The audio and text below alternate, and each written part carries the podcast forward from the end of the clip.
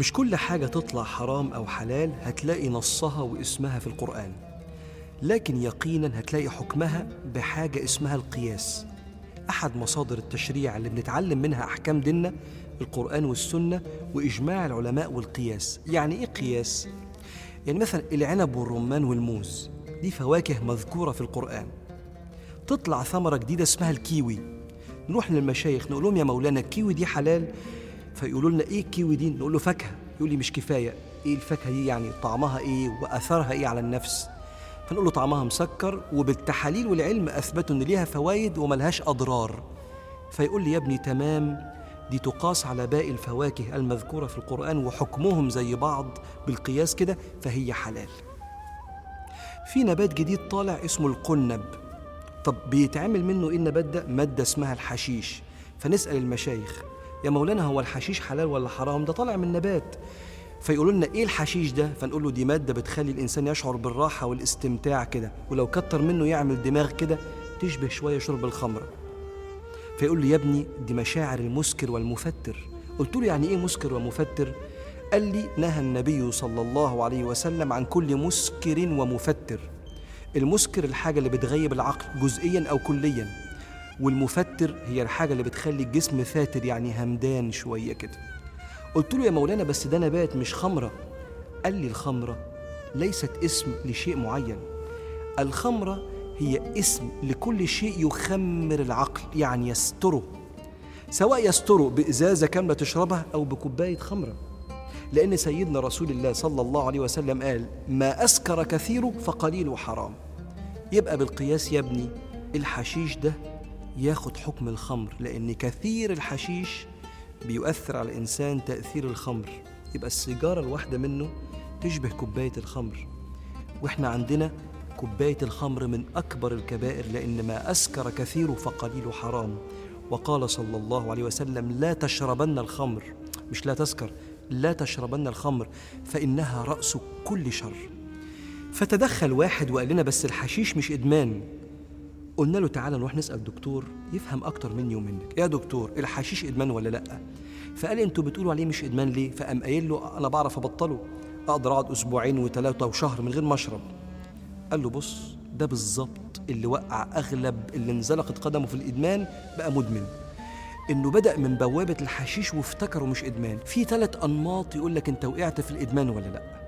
النشوة المتصاعدة والاستهلاك المادي الزائد والكذب. النشوة المتصاعدة. أول مرة شربت انبسطت ولا لأ؟ آه انبسطت. طب المرات اللي بعدها زودت من الجرعة ولا لأ؟ آه زودت. أنت بتدور على إحساس اللذة الأولى. كده أنت ماشي خطوة خطوة تجاه النشوة المتصاعدة واستهلاكك من الحشيش هيزيد. رقم اتنين الاستهلاك المادي الزائد.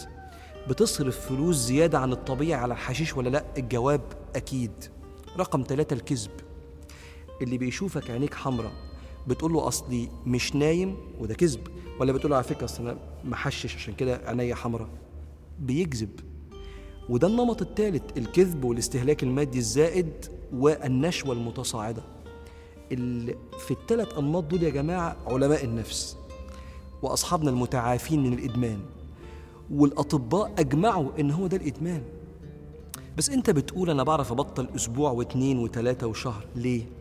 لأن المادة الفعالة اللي في الحشيش اللي اسمها تي اتش سي تترا هيدرو كانابينويدز المادة دي ما بتطلعش من الجسم إلا بعد 45 يوم. فأنت ما بتحسش بأعراض الانسحاب اللي بتضايق الشخص اللي بيشرب حاجة عايز يشرب تاني عشان ما يحسش بالأعراض دي إلا بعد 45 يوم. فتعرف تبطل أسبوع واتنين وشهر كمان. لكن لو أنت بتقول على نفسك فعلا بطلت بطلت دي ليها مقاييس عند الناس المتخصصة. زي بطلت العربية. طفيت كل الأنوار رفعت الإزاز قفلت اللوك.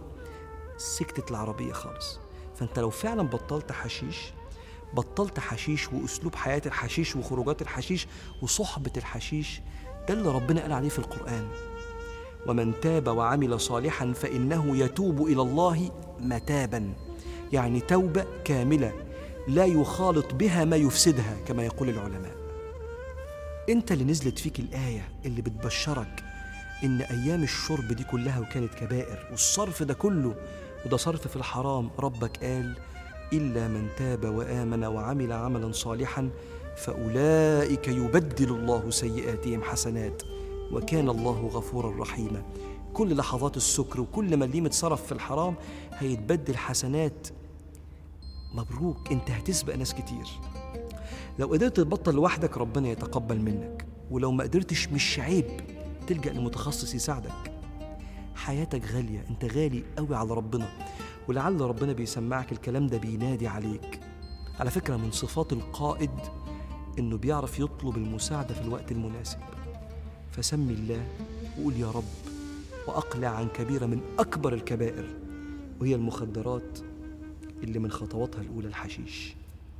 يا رب نجينا ونجي يا رب من استحوذت عليه شهوته. إنك على كل شيء قدير.